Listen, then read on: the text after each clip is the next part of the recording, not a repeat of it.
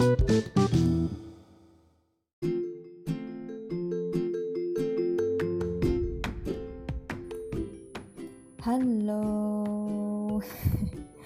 Udah lama nih gak bikin podcast. Bikinnya pas lagi pengen curhat doang. Hmm.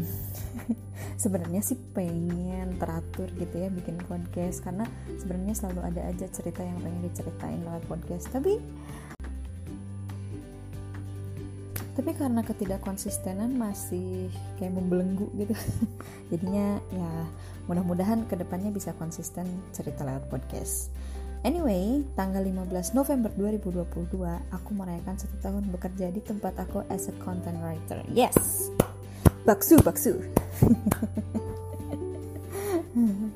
Jadi uh, ceritanya ini lagi mengenang setahun ke belakang aku bekerja setelah beberapa bulan menganggur dan kayak sebagai cerita ini tuh sebenarnya juga sebagai apresiasi diri dan hadiah gitu kayak kerja bagus kamu sudah bertahan sejauh ini. Dan mudah-mudahan ke depannya juga lebih baik lagi ya gitu. Dan nggak kerasa udah setahun aja perasaan masih dalam masa percobaan gitu. Kan waktu itu kan kayak tiga bulan masa percobaan terus akhirnya diperpanjang sampai satu tahun gitu dan ternyata memang sudah setahun aku tuh masuk tanggal 15 November. Waktu itu berarti hari ini di tahun kemarin. Ini aku bikin podcastnya tanggal 15 ya. Hari ini di tahun kemarin aku tuh baru aja masuk bertemu dengan orang-orang yang ada di kantor aku. Cie. Atau berarti sehari sebelumnya itu aku lagi sibuk beres-beres kosan karena besoknya mau langsung masuk hari pertama. Kayak ya ampun aku tuh uh, inget banget rasanya pertama kali aku masuk ke gedung itu, ke bangunan itu, dan aku merasakan lingkungan yang asing karena pertama kali banget gitu aku masuk. Itu aku masih sangat-sangat-sangat ingat dan uh, si tempatnya ini kan memang agamis gitu. Dan aku sangat ingat di hari pertama itu aku langsung mendapat teguran karena baju aku kurang syari. Tapi nggak apa-apa itu teguran yang bagus. Tapi sekarang di podcast ini aku nggak akan nyeritain dulu gimana kerjaanku selama setahun ini. Tapi lebih ke aku pengen cerita apa aja sih yang aku lakukan selama aku nganggur kurang lebih 4 atau 5 bulan gitu aku lupa. Karena ini lumayan effort juga aku dapat tempat ini gitu ya. Siapa sih yang nggak effort nyari kerja ya kan ya? karena tuh awalnya aku tuh kerja di sebuah radio streaming gitu itu medianya masih baru gitu baru setahun gitu kalau nggak salah ya waktu itu. Dan karena media baru dan tumbuhnya juga waktu covid waktu itu covid lagi tinggi tingginya banget alhasil perusahaan aku tidak kuat dan terpaksa harus gulung tikar. Dan akhirnya pegawainya juga harus balik kanan bubar jalan termasuk aku. Jadi dipulangkan kembali dan akhirnya aku lah aku menganggur gitu dan tentu saja ketika aku pulang ke rumah selama menganggur, jadwal rutinku adalah overthinking setiap malam. Kayaknya nih ya orang-orang yang sudah masuk usia 20 tahun gitu ya, sudah mulai memasuki quarter life crisis ini udah pasti overthinking ini setiap malam tuh pasti ada gitu. Kayak lu bisa nggak keluar dulu dari pikiran gue gitu? Jangan dulu overthinking. Kan overthinking itu capek banget banget banget banget overthinking tapi tidak ada yang terjadi setelahnya. Kayak bisa nggak ya gitu? Aku tuh mikir kayak bisa nggak ya dapat kerja sebelum tiga bulan gitu? Bisa nggak ya di covid ini tuh aku dapat kerjaan walaupun WFH gitu? Atau nggak WFH juga nggak apa-apa deh yang, yang penting dapat kerja gitu. Soalnya ya tahu sendiri kan ya kalau diam di rumah nganggur tidak menghasilkan uang nggak punya bisnis apa pun itu ya mikirinnya tuh gimana caranya biar kita nggak jadi beban sama orang rumah gitu. Kelihatannya kita nggak cuma diem nonton drakor main HP atau AP gitu main-main aja gitu. Tapi alhamdulillahnya karena mungkin pada saat itu covid juga gitu ya orang tua aku memaklumi uh, keadaan aku dan juga mereka lumayan khawatir pada saat itu takut anaknya juga kena covid gitu kan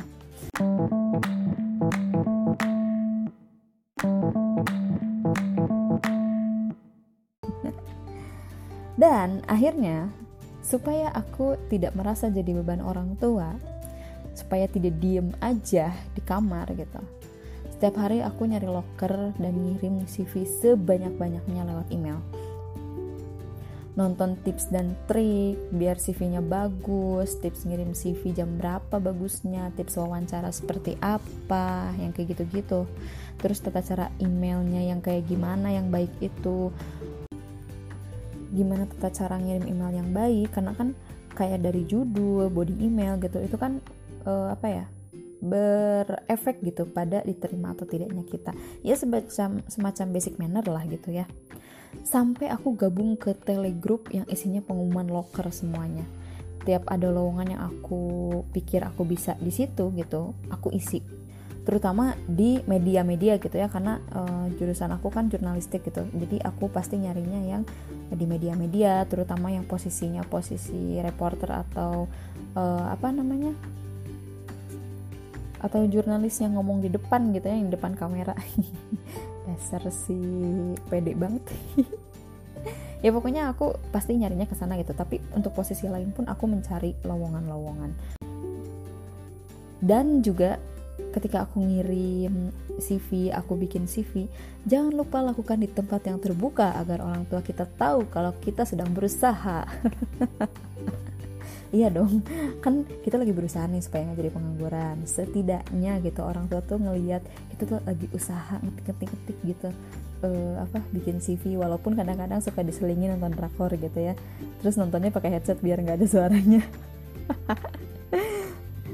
Dan waktu itu saking frustasinya karena locker ini nggak ada yang nyangkut satupun aku tuh udah ngirim sesuai tips and trick dari HRD HRD yang luar biasa gitu kan. Dari body email dan lain sebagainya gitu aku udah bikin sesuai yang disarankan HRD tetap gak ada yang nyangkut. Sampai aku isi locker posisi yang sebenarnya itu tuh gak memerlukan S1 gitu kayak e, mereka tidak memperlihatkan background latar belakang e, pendidikan gitu. Dan tetap gak ada panggilan. Sampai penasaran ya Allah ini salahnya apa ya? Ya Allah ini ini aku kenapa? Ya Allah mau ada apa? gitu. Sampai tuh aku pernah uh, nekat banget. Itu waktu itu covid juga masih tinggi gitu ya. Masih di zona merah level berapa? Tiga entah dua. Lupa lah aku pokoknya aku nekat pergi ke Bandung buat uh, apa ngirim CV secara langsung kayak manual gitu loh. Bawa-bawa map oren eh oren coklat mau bawa-bawa map coklat terus ngasih ke satpam. Karena kita nggak bisa langsung ngasih ke dalam gitu kan. E, harus lewat satpam. Gitu deh pokoknya. Karena kita nggak bisa masuk ke dalam.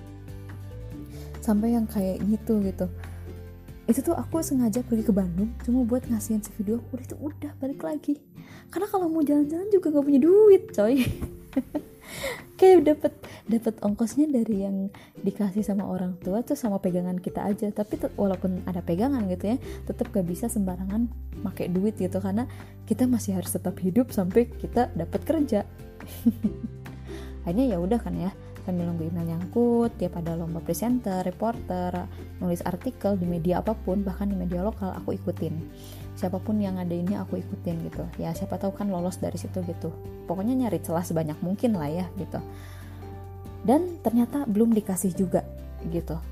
Karena udah banyak banget lomba yang aku ikutin. Ada satu lomba yang bikin aku berharap banget karena udah latihannya tuh berhari-hari sampai yang kayak capek banget ngomong gitu. Sampai akhirnya uh, karena mungkin mama aku pada saat itu uh, ngelihat aku gimana sampai yang ya Allah capek banget gitu. Akhirnya mama aku inisiatif nyebarin video aku ke grup keluarga biar didoain disebar ke grup bestinya uh, sama mama aku sama bapak aku tuh biar didoain juga. Tapi ya kodarullahnya masih kalah gitu. Mungkin memang belum waktunya akhirnya karena aku udah berharap banget gitu ya kayak aku pede ih aku bisa nih lolos ke tahap selanjutnya. Ternyata nggak bisa gitu. Akhirnya aku nangis pada saat itu. Tapi bukan karena kalah ya karena ngerasa capek dan penasaran gitu. Ini sebenarnya apa sih yang salah dari aku gitu?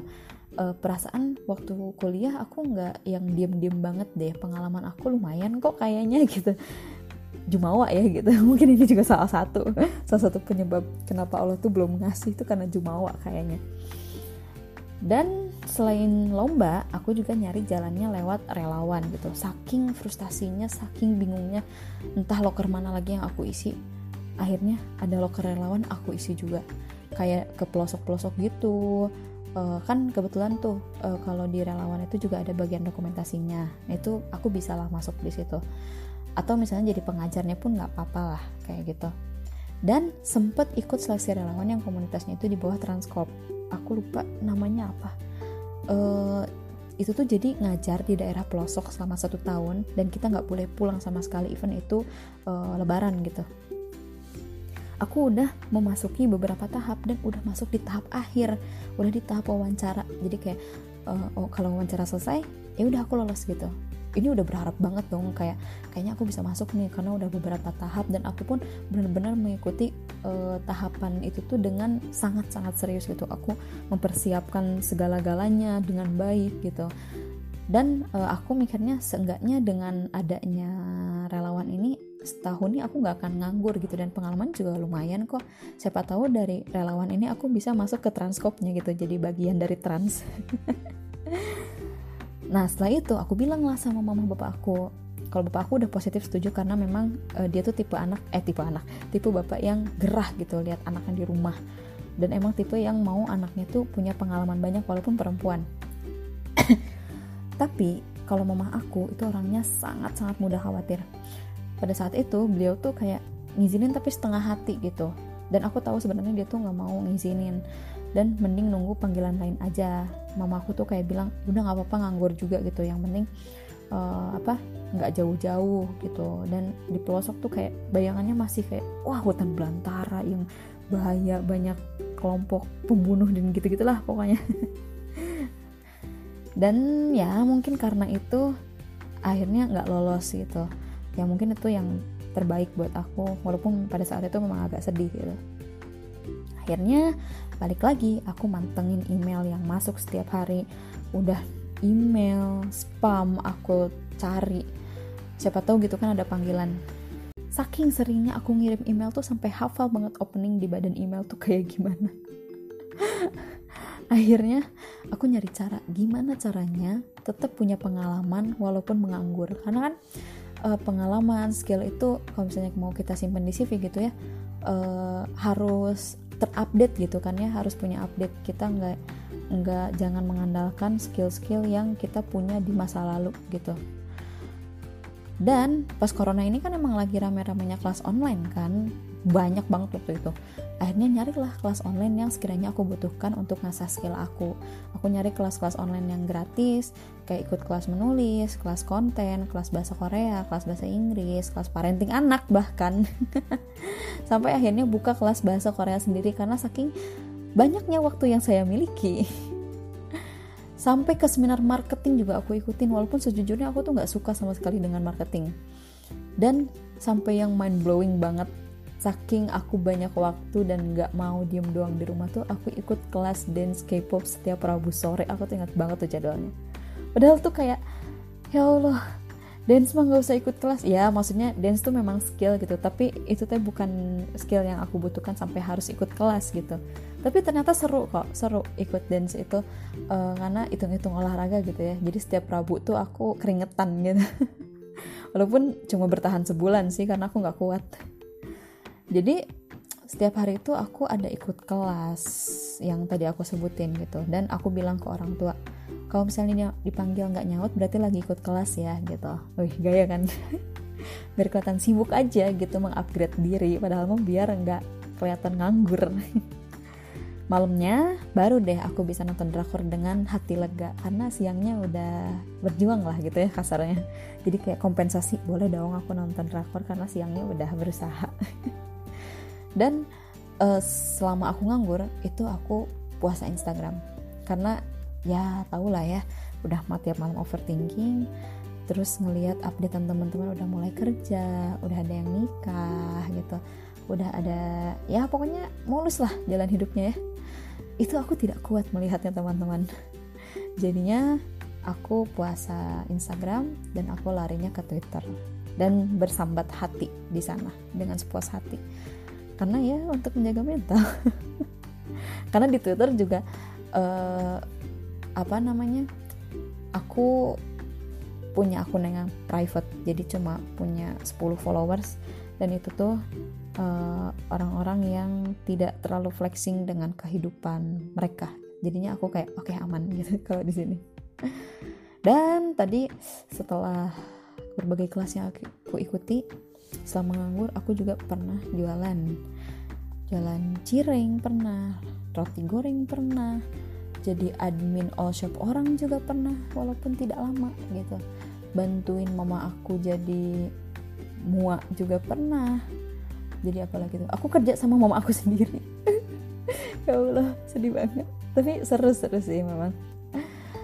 Ya itulah uh, jualan-jualan tuh aku pernah. Soalnya kebetulan adik aku tuh emang suka masak dan masakannya enak. Jadi aku pikir kenapa kita tidak jual saja gitu. Tapi karena dua-duanya nggak bisa dagang jadinya cuma bertahan ya kira-kira sebulan lah entah tiga minggu gitu. Pokoknya nggak lama. Karena itu tadi aku tidak suka marketing dan walaupun sudah dicoba gitu sebenarnya aku udah beberapa kali apa e, nyoba dagang apa dagang apa tidak bertahan lama karena memang aku tidak konsisten seperti membuat podcast ini. Hahaha. Dan skill aku yang aku temukan selama nganggur adalah aku bisa namatin satu drakor dalam dua hari bahkan dalam sehari. Makanya bahaya banget kalau misalnya tidak diselingi dengan aktivitas lain karena mataku hanya tertuju pada drakor.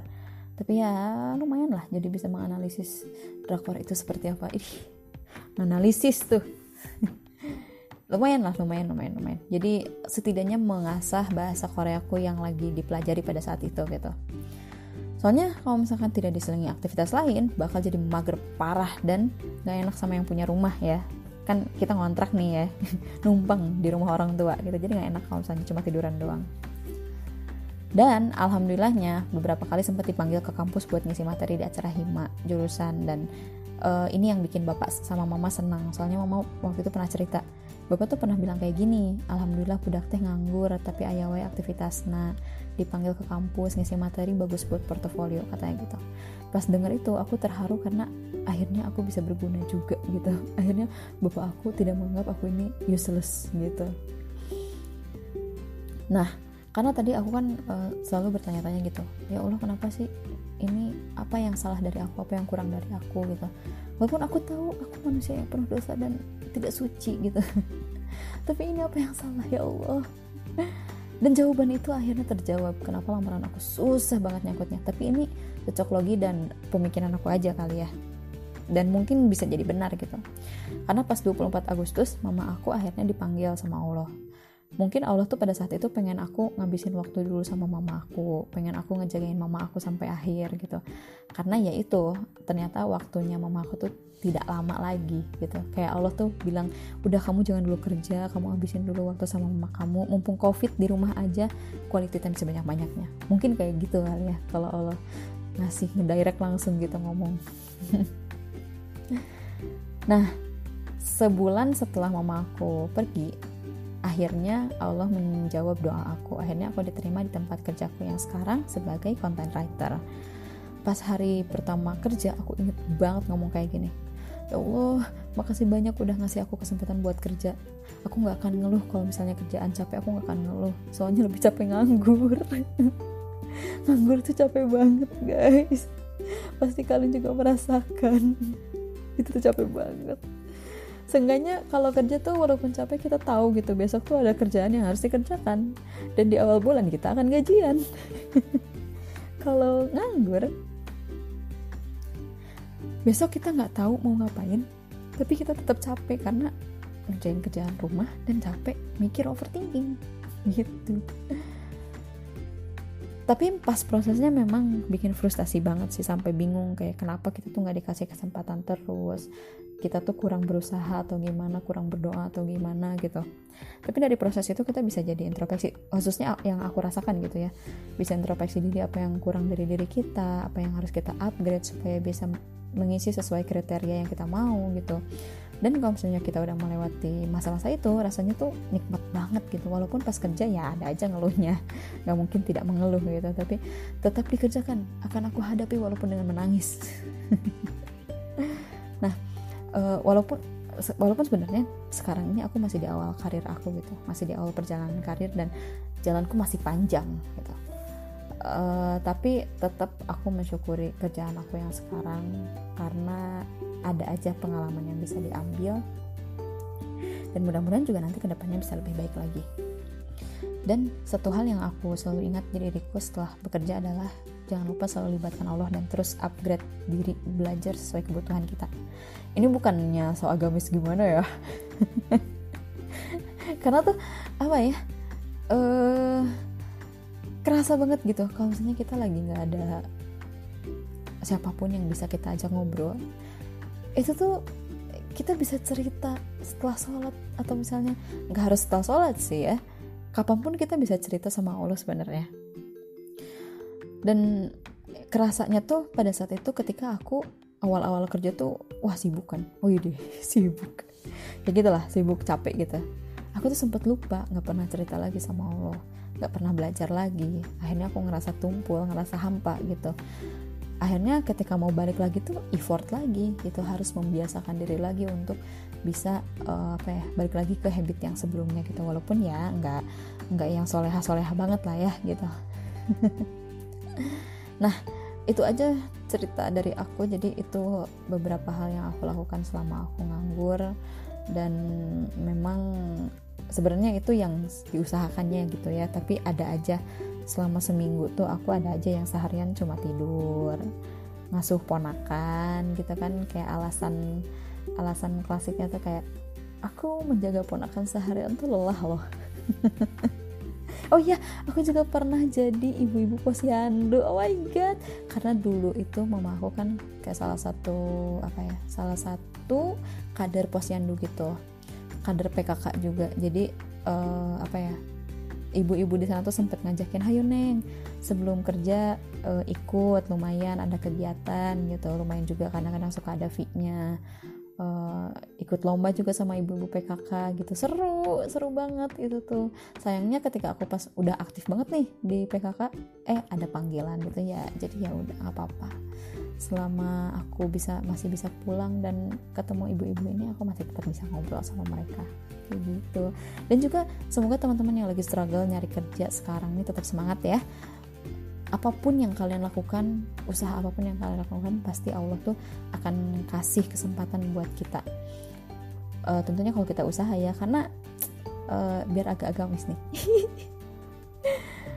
Allah itu nggak akan apa ya nggak akan mengubah suatu kaum atau seseorang gitu kalau dia tidak berusaha. Tetap kita harus usaha tapi doa juga kencang jangan cuma doa doang yang kencang kita 24 jam di masjid gitu berdoa ya Allah tolong kerjaannya kasih ke saya. Tapi kita nggak nyari kerja. Ya mau gimana?